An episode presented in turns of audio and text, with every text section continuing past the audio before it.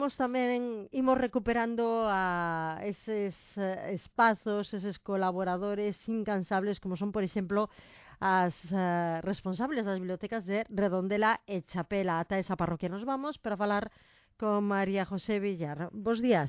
Que tal, bos días? Pois estamos xa eh, de cheo, mergullados no, no traballo. Por certo, contanos como está esa biblioteca, en que horario estades traballando, porque sabemos que vos movedes un pouco en función tamén do, do persoal, non? Bueno, en función tamén do, do cambio horario que se debe tamén ao, ao comezo do cole, non? Que marca un pouco o novo ritmo. Nos, eh, os xoves, estamos de mañá, eh, mañá venres, lamentablemente, temos que pechar, por motivos persoais, e eh, xa a partir do luns xa abriremos de tarde, o horario de tarde é de 4 a 9. É dicir, a partir do lunes se recupera o horario habitual de todo o curso xa, non? Efectivamente, só temos o horario verá de mañá, pois pues, en verán. Pois, eh, o dito, a partir do lunes, todos os que queiran facer pois algunha devolución, recoller algún libro, o horario será ese, durante a tarde. Pero nos o que queremos cando conectamos coas bibliotecas é falar desas recomendacións literarias que nos achegan diferentes propostas. Hoxe eh, un, vai ser unha sección especial, non? Sí, porque aproveitamos eh, de homenaxear a un autor que nos gusta moito porque o LUNS 14 precisamente eh, faría os, os 100 anos se todavía continuase vivindo. Eh, falamos de Mario Benedetti. Un autor que eu, cando mo dixeches, pensei que morrera recentemente, pero xa pasou máis dunha década. Sí, efectivamente, morreu aos 88 anos, é dicir, en 2009, eu tamén tampouco teña así a referencia de de, pero si sí tamén a, a, a lembraba como recente, pero bueno, o tempo pasa moi rápido. Uh -huh. Que que llevamos facer? Pero si sí, un autor eh, que viviu moitos anos, que escribiu durante moitos anos, un autor moi prolífico, eh, ten máis de 60 libros, e incluso estes libros, en el que sen de poesía ten, teñen diferentes traduccións, algún, máis a, traducidos a máis de 25 linguas, que non está mal. Un poeta moi influinte, un dos máis dos poetas universais máis lidos, eh, Mario Benedetti, é que digamos que está de actualidade sempre, non? Porque eu penso que marca en diferentes xeracións Benedetti sempre é como un referente, non? Uh -huh. Hai un deses que gusta ler, e que gusta ler en distintas épocas da vida, e que eu penso cando alguén cita e busca un poema para evocar algo, moitas veces Benedetti está aí entre os que terá algo que che gustará a, a citar esa ocasión. Ademais, incluso entre os que como a min non somos así grandes amantes da, da poesía, como se trata dunha poesía moitas veces social, non sei, é fácil achegarse a ela.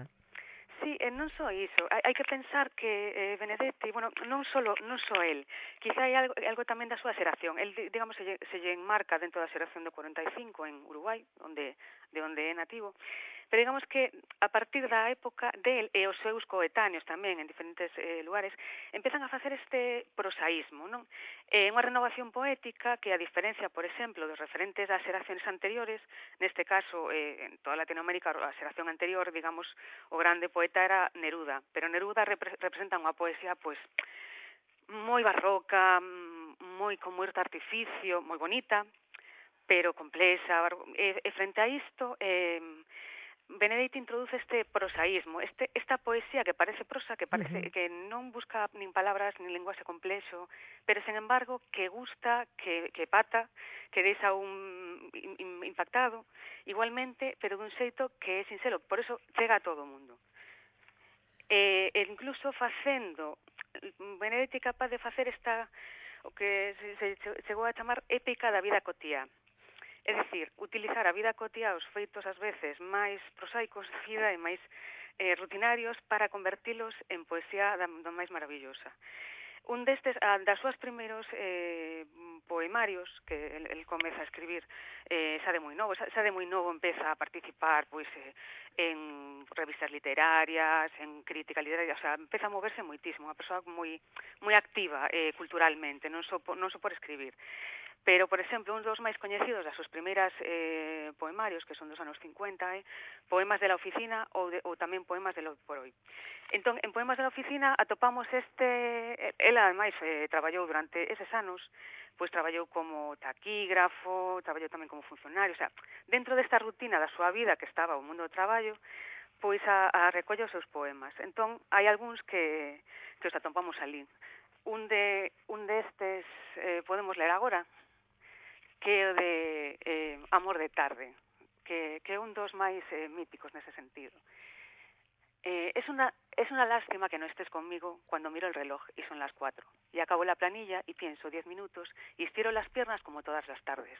Y hago así con los hombros para aflojar la espalda y me doblo los dedos y le saco mentiras. Es una lástima que no estés conmigo cuando miro el reloj y son las cinco.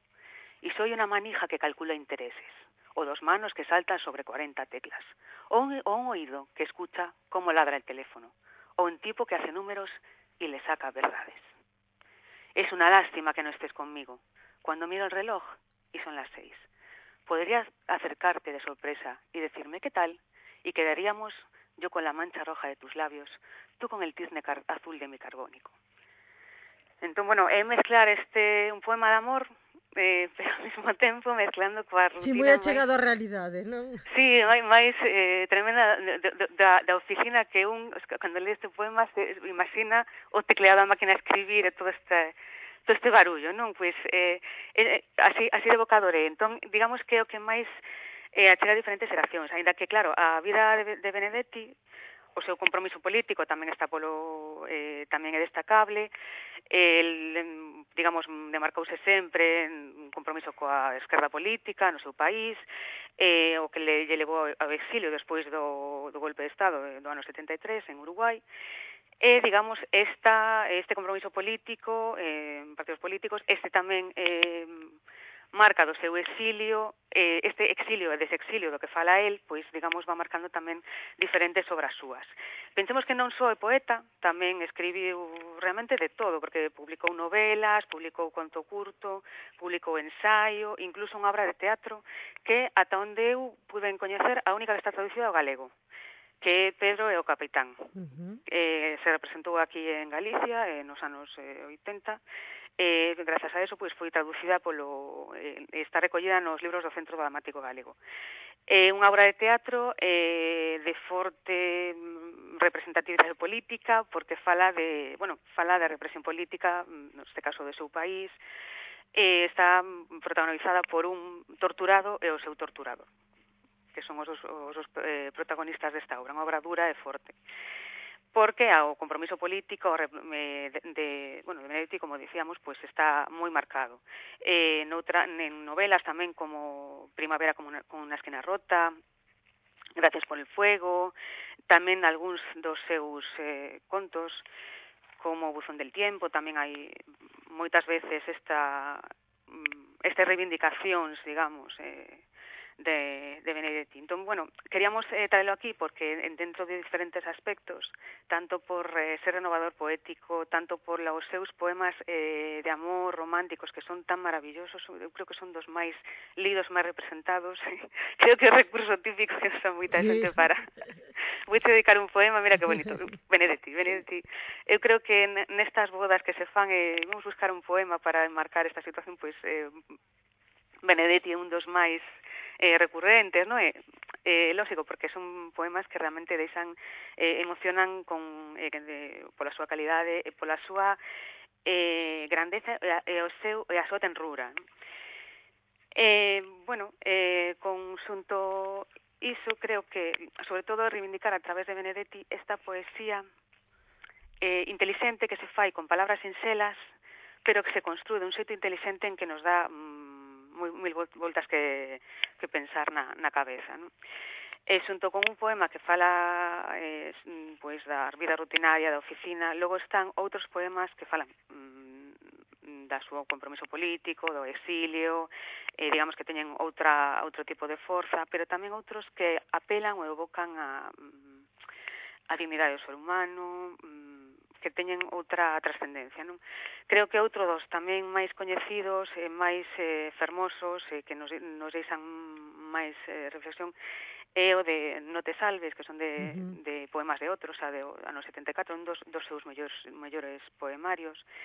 E podemos recoller aquí como última último eh, relato aquí para, para ler. Eh, no te salves, no te quedes inmóvil al borde del camino. No congeles el júbilo, no quieras con desgana, no te salves ahora, ni nunca, no te salves, no te llenes de calma, no rellenes del mundo solo un rincón tranquilo, no dejes caer los párpados, pesados como juicios, no te quedes sin labios, no te duermas sin sueño, no te pienses sin sangre, no te juzgues sin tiempo.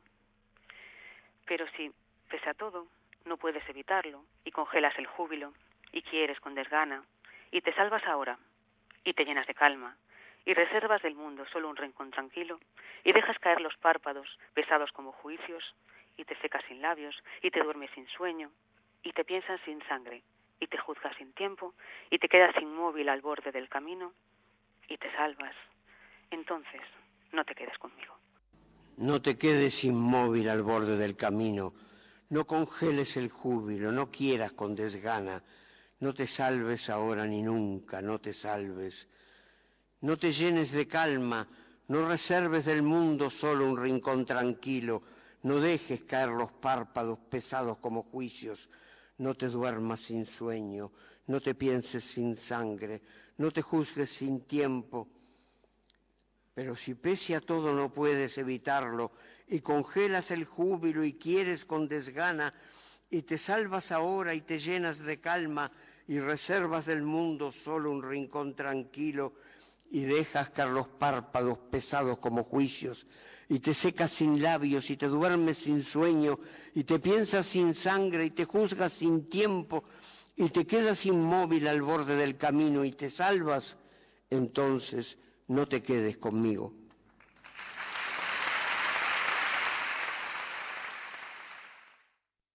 Pois a propia voz de Benedetti que tamén nos trasladaba este preciosísimo poema e ademais eh, que era despedido así con eses aplausos. Sí, e que ademais a todos nos deixan eh, un silencio despois grande para pensar, sí, é decir, sí, isto isto penso tamén ou me podo sentir identificado. Entón, bueno, eh, creo que esta homenaxe simplemente que nas bibliotecas nos correspondía falar un pouco de, deste de autor. Este, este é un ano cheo de... Este un, 2020 é un ano terrible, pero é tamén un ano eh, de centenarios literarios moi interesantes, que algún máis eh, sairán nestes programas de, de radio. O sea que atenta, sí que, que, que sacaremos algún máis. Pois pues Pero bueno, de, certamente ben se merece, non? Unha sección. Ben se merece un, un programiña eh, para el, pero bueno, para non solo falar del, e si un pouco recoller este dentro da súa obra literaria extensa e moi variada, pero sí a forza da, da súa poesía, pois un pouco tamén quero achegar aquí novedades literarias que temos precisamente da, desta nova poesía, neste caso de poetas actuais, xente moi nova, pero que está facendo esta renovación poética que xente que non é asidua ou que non tradicionalmente nunca lería poesía achega a estes poemas e mm, goza deles moitísimo. Eh, temos eh, dúas novidades. Unha é de Marwan, eh, que é Los amores imparables, é un libro completamente recomendable para calquera, ainda que non sexa sido da poesía, decimos, eh, está publicada por Planeta. Eh, Marwan é un can cantautor, el comezou como cantante do grupo Heavy, pero pasou a, a final como cantautor, e de cantautor pasou tamén a publicar como poeta. E ten poemas eh, maravillosos, non é o seu primeiro libro de poemas, xa ten outros anteriores, eh, bueno, nele recolle sobre todo poemas eh, de amor, eh, dun amor revisado, visto, eh, reflexionado, eh, dun xeito novo e diferente, pero tamén eh, neste, neste último poemario, Los amores imparables eh, fala tanto de, do amor como do, da poesía en sí mesma, do, do, do poeta, do creador, do artista como, como personaxe, da, da vida, da, das relacións persoais, das, dos sentimentos, das emocións, pero tamén mm, ten un oco para eh, mm, poemas de carácter máis reivindicativo, combativo, eh, onde fala das, de guerras, de refugiados, de, do seu país de orixe, que é Palestina, ainda que ele, bueno, o seu país de orixe, ele, ele, ele é español, pero uh -huh. eh, ten un dos seus pais é, é palestino, entón, digamos, ten ese vínculo eh, realmente un libro que é delicioso que, que paga a pena ler. E xunto con el outra poeta tamén actual, eh, neste caso é eh, valenciana, Sara Leo, que o, poema, o poemario chamase Ni contigo ni sin mí, que tamén é eh, fermosísimo, un libro que fala tanto das relacións amorosas como da soidade, como de mm, quererse a un mesmo eh, dentro da relación pero tamén fora dela, non? Entón é, eh, é, eh, é eh, todo un todo un paso este este libro. Fala primeiro eh, ni, ni contigo que un, bueno, esta este ansia, esta esta extrañeza do amor, este botalo de menos, como unha segunda parte é contigo que fala do amor, da relación amorosa, e finalmente ni sin mí que fala de, bueno, de, de un mesmo, non? De, de buscarse a un mesmo, de atopar, de atopar o, o, o de autocuidarse, non? Amarse o mesmo, pero dun xeito eh, poético fermosísimo tamén que, que paga a pena achegarse para calquera público.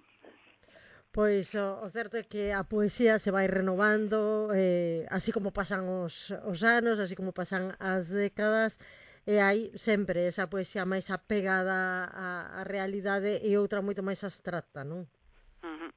E esta, bueno, é para todos penso que para todo todos os gustos. E, e podemos atopar eh, tamén moita identificación eh, en estes dos poetas eh, xóvenes. Pois María José, para despedir, eh, recoméndanos algunha das obras de, de Benedetti. Con cal te quedarías? Eu de poemarios creo que me caería con poemas de outros, do ano 70, que así des que ten destes que son máis eh, recoñecibles, máis recoñecidos. E tamén con poemas de la oficina, polo que me chamou a atención sempre este xeito tan novidoso de de falar da cotidianidade. Uh. Pois ah, aí vai esa pequena homenaxe que hoxe lle rendemos aquí nos micrófonos da radio a Mario Benedetti. María José, moitísimas grazas por estar con nós. Grazas a vos. Un saúdo, hasta logo. Ata logo.